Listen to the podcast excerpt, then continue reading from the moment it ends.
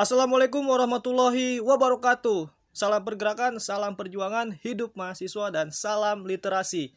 Jangan lupa tagline kita semua, jangan lupa baca dan menulis hari ini. Yoi.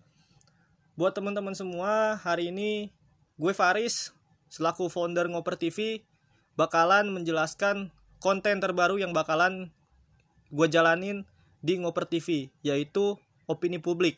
Nah, opini publik ini adalah sebuah konten baru gue sama teman-teman Ngoper TV untuk menghidupkan kembali opini-opini ataupun pendapat kita soal kehidupan bernegara kayak gitu. Mulai dari mengkritik pemerintahan hingga bagaimana cara kita menjalankan diri kita sebagai bangsa Indonesia yang baik kayak gitu ya kan. Nah, kebetulan guys di ke di episode pertama kali ini gue sendirian, gak sama teman-teman yang lain karena sedang menerapkan social distancing teman-teman kayak gitu dan di kesempatan perdana ini, episode opini publik pertama, gue bakal menjelaskan, bukan menjelaskan, tetapi berbagi opini gue soal Corona dan Indonesia kayak gitu ya kan. Tapi bukan bukan ini ya guys, bukan masalah ini aja yang mau gue bahas, bukan masalah penanganan dan bagaimana cara pencegahan dari virus corona, tetapi masalah, masalah apa aja yang sekiranya akan timbul pasca pandemi kayak gitu dan juga masalah yang timbul juga sih sebenarnya bakal mau gue bahas kayak gitu ya kan. Dan opini publik ini juga tujuannya semata-mata untuk ngebuka pikiran kita karena kita tujuannya adalah diskusi ya uh, teman-teman yang lain kayak gitu. Jadi bukan berarti apa yang gue sampaikan adalah sebuah kebenaran yang mutlak kayak gitu tapi jadi bahan diskusi yang nanti bisa kita diskusikan lagi kayak gitu. Nah masalah fenomena covid dan Indonesia yang pertama ini gue ada tiga hal yang mau gue bahas. Pertama mulai dari pencegahan tapi bukan pencegahan kayak cuci tangan ya tapi penanganan sih lebih tepatnya penanganan dari pemerintah itu sendiri terus mulai dari yang ter yang kedua dari sisi ekonomi dan terakhir dari sisi kemanusiaan kayak gitu nah tiga hal ini yang bakalan gue bahas sih karena ini menjadi masalah yang sangat penting dalam apa namanya COVID-19 yang ada di Indonesia kayak gitu ya kan. Oke, masuk yang pertama guys.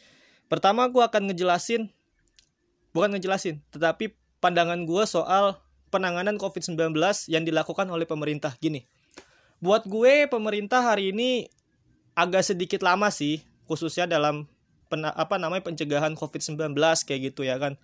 Buat gue secara pribadi, nggak tahu mungkin yang lain, buat gue satu nyawa udah mati aja itu udah ini ya guys, udah terhitungnya udah banyak kayak gitu ya kan. Kenapa? Karena buat gue nyawa itu nggak bisa dibayar pakai uang kayak gitu bahkan utang luar negeri Indonesia yang eh, ribuan triliun itu itu kalau dibuat dalam bentuk uang kertas terus dikasih ke keluarganya gue yakin uang sebanyak itu nggak akan bisa menghapus air mata atas keting apa ditinggalnya orang yang dicinta kayak gitu ya kan? Pasti keluarga itu bakal sakit sakit hati kayak gitu. Nah terus juga kenapa gue bilang penanganan ataupun pencegahan dari pemerintah ini begitu lama? Gini guys. PSBB pembatasan sosial berskala besar itu baru diterapin oleh Indonesia khususnya pemerintah pusat. Itu mulai bulan April guys. Awal April atau akhir Maret gue lupa. Intinya antara dua itu. Sedangkan virus corona itu udah ada dari mulai awal Maret guys. Bayangin awal Maret. Dan ini kan jadi lama banget kayak gitu ya kan dibuat berlarut-larut kayak gitu. Sehingga ya korban hari ini kita bisa lihat guys 18 April 2020 korban udah menembus angka 6000 wow gila. Yang mati udah 600 kayak gitu ya kan? Jadi sebuah hal yang buat gue mengecewakan sih kayak gitu. Kenapa gue katakan mengecewakan? Karena gini kalau seumpama pemerintah itu bisa ataupun berani ngambil langkah PSBB di awal ketika COVID-19 itu sudah masuk ke Indonesia, gue yakin gak akan sebanyak ini guys, serius. Kenapa? Karena publik itu udah nggak boleh keluar rumah. Kayak gitu. Udah nggak boleh keluar rumah, dia udah stay di rumah aja ya kan. Walaupun ya bentuknya himbauan. Karena kan gini. Mungkin pemerintah kita butuh kajian tentang adab so apa bukan adab tapi karakter bangsanya sendiri kali yang kurang mereka paham ya ini bahaya kayak gitu ya kan apa jangan-jangan ketika pencalonan kemarin mereka nggak terjun ke rakyat atau bagaimana saya nggak tahu atau mungkin kurang terjun ke rakyat dari pemerintah ini sendiri melakukan sosialisasi kayak gitu tetapi ini menjadi bahan kritik gue juga buat pemerintah kayak gitu. Kenapa? Karena pemerintah harusnya bisa ngelihat lah kayak gitu ya kan mengenai watak ataupun sifat dari bangsanya itu sendiri. Bangsa Indonesia ini kalau nggak diatur, nggak ditegasin, ngeyel. Gua nih ya kan, dibilang jangan keluar rumah. Kalau nggak ada aturan yang tegas, gua akan ngeyel untuk tetap keluar kayak gitu ya kan. Nah, pemerintah itu udah nerapin itu, tapi terlambat men. Serius, tapi terlambat. Mungkin kalau kita logikain hari ini, mungkin ya, kalau misalkan ketika awal itu pemerintah langsung stop lockdown misalkan contohnya kita belajar dari Ghana Ghana itu kan ketika hari itu ada yang positif, maka Ghana langsung menyatakan sikap presiden untuk lockdown kayak gitu ya kan. Tapi kan pemerintah kita tidak melakukan itu. Pemerintah kita justru eh, apa namanya masih membiarkan pekerja-pekerja tetap tetap berjalan kayak gitu ya kan. Ojek online yang tadi yang narik penumpang masih diperbolehkan. Padahal yang memang padahal ojek online itu sangat potensi ya kan besar banget untuk apa namanya ada penyebaran covid karena ada interaksi manusia dan di situ posisinya dekat kayak gitu ya kan. Apa boncengan depan belakang. Nah itu kan be begitu berbahaya juga.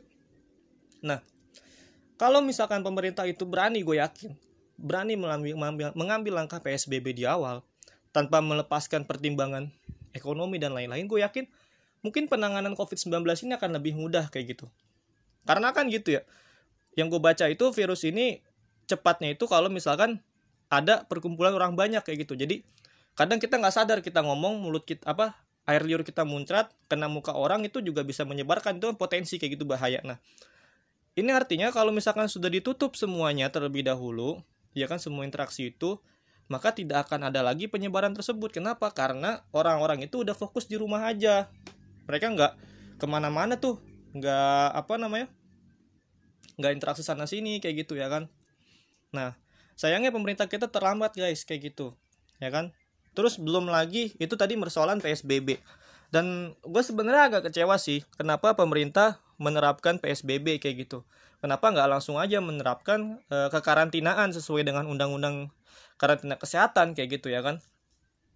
Padahal kan di situ jelas kayak gitu kalau misalkan pemerintah langsung karantina maka ya udah kayak gitu ya kan. Nggak boleh ada yang keluar dan kebutuhan pokok pangan ditanggung oleh pemerintah kayak gitu ya kan. Presiden di situ yang di dalam undang-undang tersebut. Nah mungkin gue gini sih mungkin gini ya. Bang rakyat Indonesia ini kan populasinya sangat banyak ya.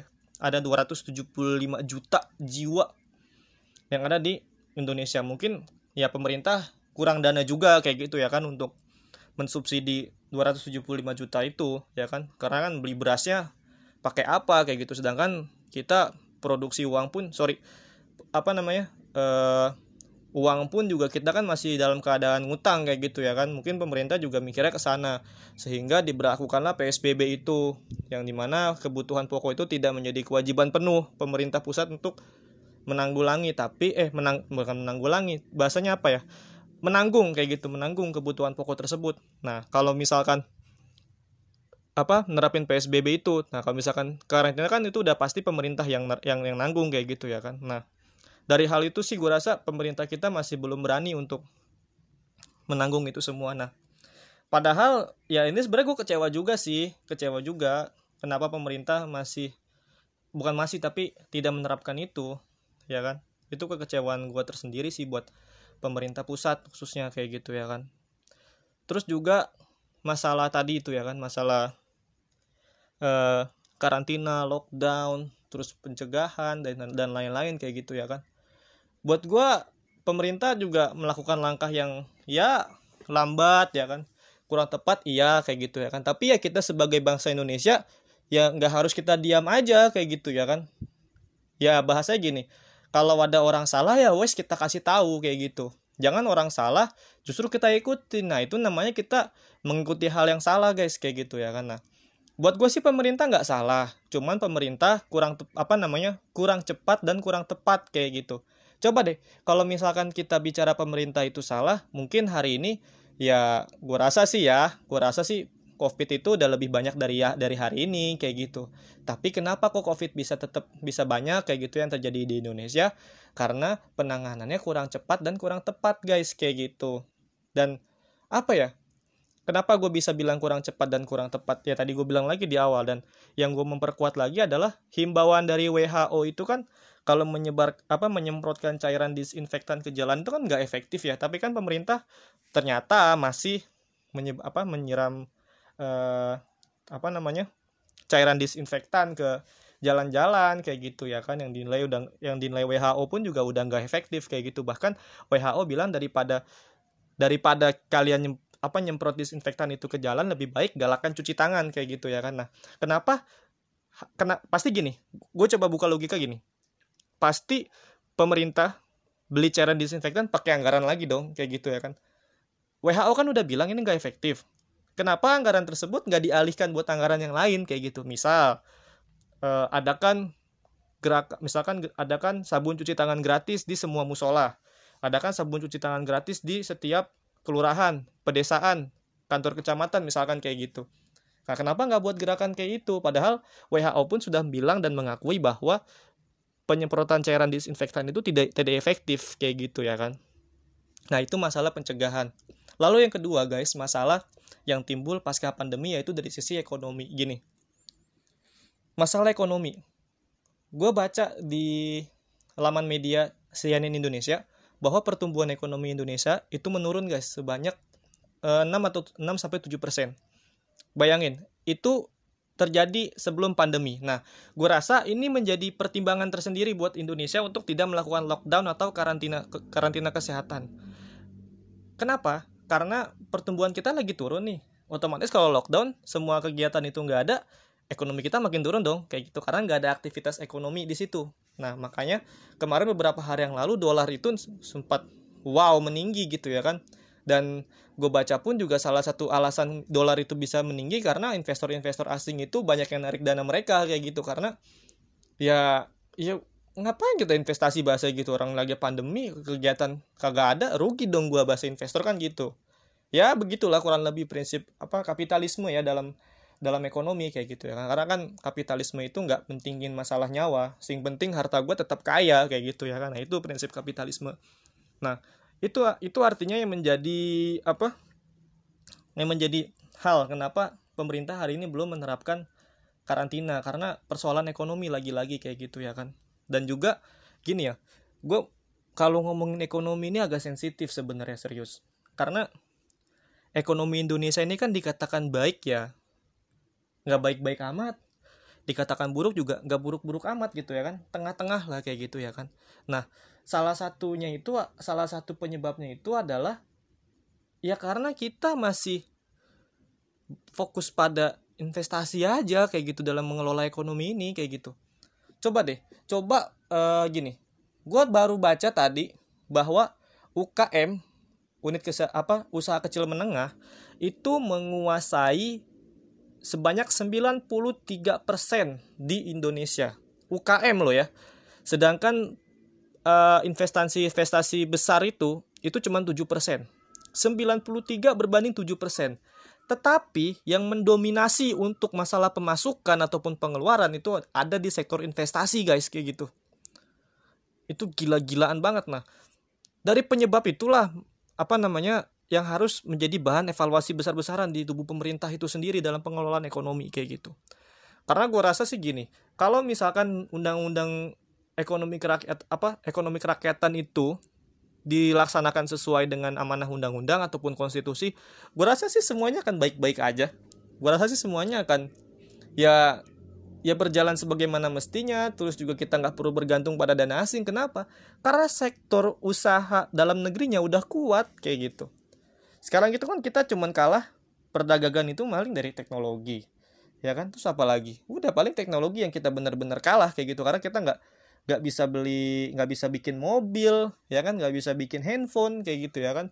Yang katanya kita mau bikin mobil tapi nggak jadi jadi kayak gitu. Nah dua hal itu aja yang yang yang apa teknologi aja kita yang kalah kan? Sebenarnya kalau misalkan mulai dari neg apa usaha pangan kita negeri agraria kayak gitu ya kan? Beras kita melimpah wow kayak gitu. Mau usaha apa lagi kita melimpah. Nah, daripada sektor daripada hal-hal tersebut kita dikuasai oleh asing, ya kan? Lebih baik kita manfaatkan dalam negerinya kayak gitu, manfaatkan rakyatnya. Kan prinsipnya Pak D ini kan kerja kerja kerja kayak gitu ya kan. Pak D dan semuanya presiden yang terhormat itu di luar banyak yang nggak kerja.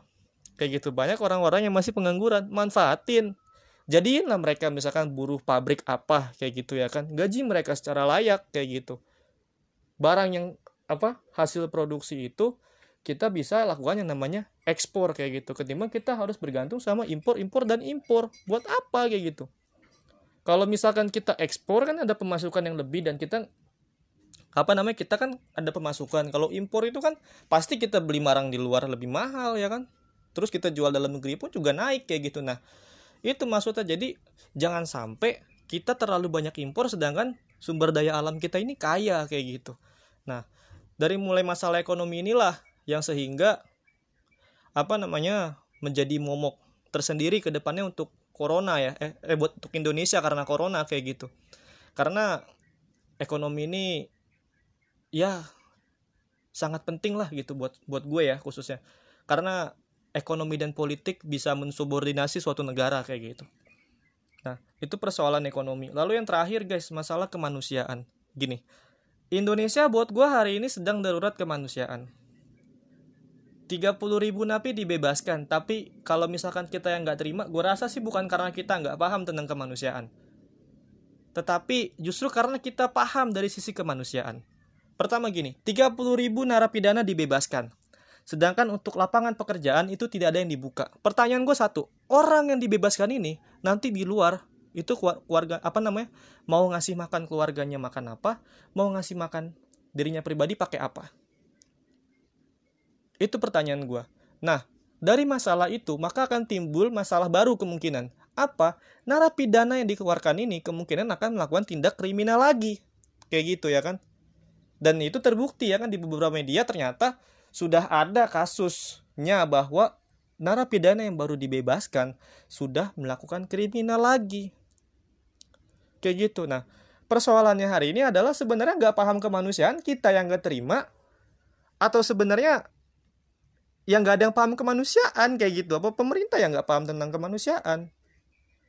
Kayak gitu. Lalu logikanya gini 30 ribu orang napi dibebaskan karena dianggap uh, untuk mencegah mata apa pemutus mata rantai COVID-19 persoalannya gini mereka di lapas ketemu siapa sih pak? Bu?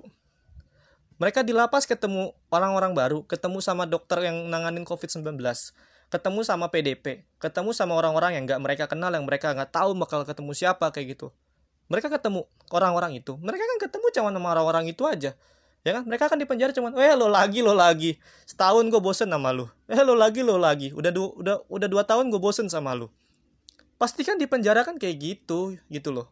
Mereka kan nggak nggak ketemu sama orang-orang baru artinya untuk mencegah mata rantai COVID-19 justru lebih baik mereka ada dalam penjara kayak gitu ya kan?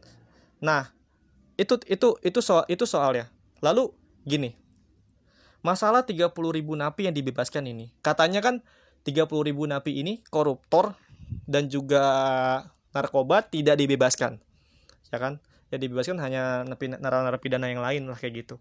Persoalannya gini 30 ribu napi ini namanya ada transparansi nggak kayak gitu? Jangan sampai gini, 30 ribu napi yang dibebaskan, tidak ada transparansi namanya ke siapa-siapa saja, nggak taunya ada satu napi yang titipan dibebasin juga. Nah ini bahaya.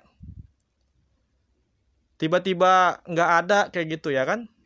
Ini narapidananya ke mana nih? Apa dia ilmu hitam kita nggak tahu. Nah itu maksudnya jangan sampai terjadi kayak gitu. Nah, nah hal ini kan menimbulkan kecurigaan-kecurigaan kayak gitu ya kan? dari dibebaskan narapidana ini sebenarnya ada motif apa kayak gitu dan lagi gini masalah narapidana yang dibebaskan ini. Gue udah nonton di beberapa media dan gue udah baca beberapa berita. Jujur gue kecewa kalau endingnya ternyata kriminal itu di kriminal itu ternyata makin bukan makin. Tetapi hari ini kriminal jadi momok yang sangat menakutkan jujur. Di beberapa media itu gue lihat ada yang mulai dari pencopetan penjamretan pembunuhan tawuran bahkan dan lain-lain itu masih ada. Nah dan ya punya potensi kok. Ada potensi kok. Beberapa orang ini adalah 30 ribu orang napi yang dibebaskan kayak gitu. Ada potensi kayak gitu nah. Persoalannya adalah kita udah tahu nih 30 ribu napi yang dibebasin ya kan? Terus eh, banyak orang-orang napi baru ini yang dibebasin ini terus buat kriminal lagi. Nah gue sih jujur gue sih ya terpaksa harus terima ya kan harus terima keputusan pemerintah kalau pemerintah mau melakukan itu. Tapi tolong dong gitu. Ya kan? Tolong ketika kita sudah terima keputusan itu seharusnya pemerintah juga apa namanya bisa memberikan kepercayaan mereka kepada kita kayak gitu. Kita menerima bukan berarti kita itu dengan cuma-cuma kita butuh kepercayaan pemerintah bahwa narapidana yang dibebaskan ini ini tidak berlaku apa-apa. Tidak berbuat tidak berbuat jahat lagi tidak buat berbuat kriminal lagi ya kan? Tetapi mereka justru ya bener-bener tobat lah misalkan kayak gitu. Nah atau enggak kita kan nggak bisa ngejamin mereka udah tobat apa enggak. Atau enggak keamanannya diperketat dong kayak gitu. Polisi ini kan katanya garda terdepan ya kan untuk mengawal ataupun menjaga rakyat Indonesia. Khususnya dalam penanganan COVID-19 itu kan banyak tuh orang-orang yang masih buat keramaian ditangkap-tangkepin ya kan dirazia kayak gitu. Nah tolong dong ya kan? Jangan jangan hanya jangan hanya mengawal yang itu aja. Tetapi kawal itu napi-napi yang baru lepas 30 ribu itu mereka ke mana lalu lalangnya? Takutnya 30 ribu napi yang bebas itu kita nggak tahu ya kan? Kujuk-kujuk. Ya wow, takutnya kayak gitu ya kan? Melukai salah salah satu sanak keluarga tercinta kita kayak gitu. Nah ini kan yang jadi bahaya. Lalu masalah kemanusiaan yang lainnya guys kayak gitu. Jujur gue sangat sedih banget ngelihat darurat kemanusiaan hari ini itu yang meninggal covid-19 banyak sekali yang ditolak pemakamannya di uh, salah satu daerah kayak gitu ya kan dan buat siapa pun kalian di mana pun kalian daerah kalian itu di mana gue cuman pesen begini orang yang meninggal itu biarkanlah mereka ada di tempat istirahat terakhirnya kayak gitu. Mereka itu kena COVID-19 gue yakin bukan keinginan mereka kayak gitu. Ya kan? Mereka ya mungkin musibah mereka kena COVID-19 terus hasil mereka harus meninggal. Nggak mungkin kan keinginan mereka kayak ah gue kena corona besok kayak gitu ya kan terus gue meninggal kan nggak bukan bukan kemauan mereka kayak gitu itu ada gejala biologis yang mereka sebenarnya tuh entah mereka tahu atau enggak tapi sebenarnya gue rasa itu adalah musibah yang datang kepada mereka kayak gitu karena kan pandemi ini katanya musibah yang tiba-tiba datang ke Indonesia kayak gitu nah tolong maksudnya jangan sampai kita sebagai bangsa Indonesia itu tidak punya hati nurani lah. Dan buat gue malah sebenarnya yang yang nggak punya hati nurani itu bukan kita yang nggak terima narapidana dibebasin tetapi yang gak punya hati nurani itu adalah orang-orang yang nggak terima ada pemakaman di situ ketika ada mayat COVID-19 yang meninggal kayak gitu. Nah ini kan justru menimbulkan darurat kemanusiaan yang sangat fatal kayak gitu. Nah mungkin itu aja sih ya. Apa namanya opini publik episode pertama guys. Masalah corona dan Indonesia pencegahan tadi penanganan kemudian juga masalah dari sisi ekonomi yang timbul pasca pandemi sama juga nanti eh nanti sama juga tadi ada uh, masalah kemanusiaan dan terakhir guys sebagai penutup intinya adalah gue rasa pemerintah kita semua sebagai bangsa Indonesia harus saling mau membahu kayak gitu untuk menangani COVID-19 ini. Buat gue gue salut lah sama banyak masyarakat Indonesia yang sadar dan paham untuk apa namanya bergotong royong. Bagaimana cara membangun membangun ataupun menjaga suatu negara ini secara bersama-sama bukan hanya tanggung jawab pemerintah atau segelintir pihak kayak gitu, tapi menjadi tanggung jawab kita bersama. Nah, dari persoalan ini gue rasa ke depannya kita akan menjadi negara yang lebih kompak lagi kayak gitu ya kan menjadi negara menjadi bangsa yang cinta akan negaranya yang pasti ya didukung dan disupport sama uh, pemerintah dan juga mulai dari eksekutif, legislatif dan yudikatifnya kayak gitu. Karena buat gue menjadi bangsa yang baik itu ya nggak harus kita harus nurut sama pemerintah aja kayak gitu ya kan. Kritik pun juga sebenarnya bagian dari peduli. Dan juga selain kritik kita juga harus ngejalanin guys kayak gitu. Dan salah satunya adalah dengan bergotong royong membangun membangun sama-sama untuk melawan COVID-19 kayak gitu. Nah itu aja dari gua semua teman-teman semua. Semoga bermanfaat dan jangan lupa follow Instagram Ngoper TV di @ngoper_tv dan buat kalian Jangan pernah berhenti untuk berkarya, karena karya akan memperkaya sejarah, dan hanya orang-orang berkarya lah yang pantas untuk disejarahkan. Sekian, gue Faris dari Ngoper TV. Assalamualaikum warahmatullahi wabarakatuh. Salam pergerakan, salam perjuangan, hidup mahasiswa, dan salam literasi. See you, sampai ketemu di... Oh, sampai ketemu di Opini Publik episode kedua. Terima kasih.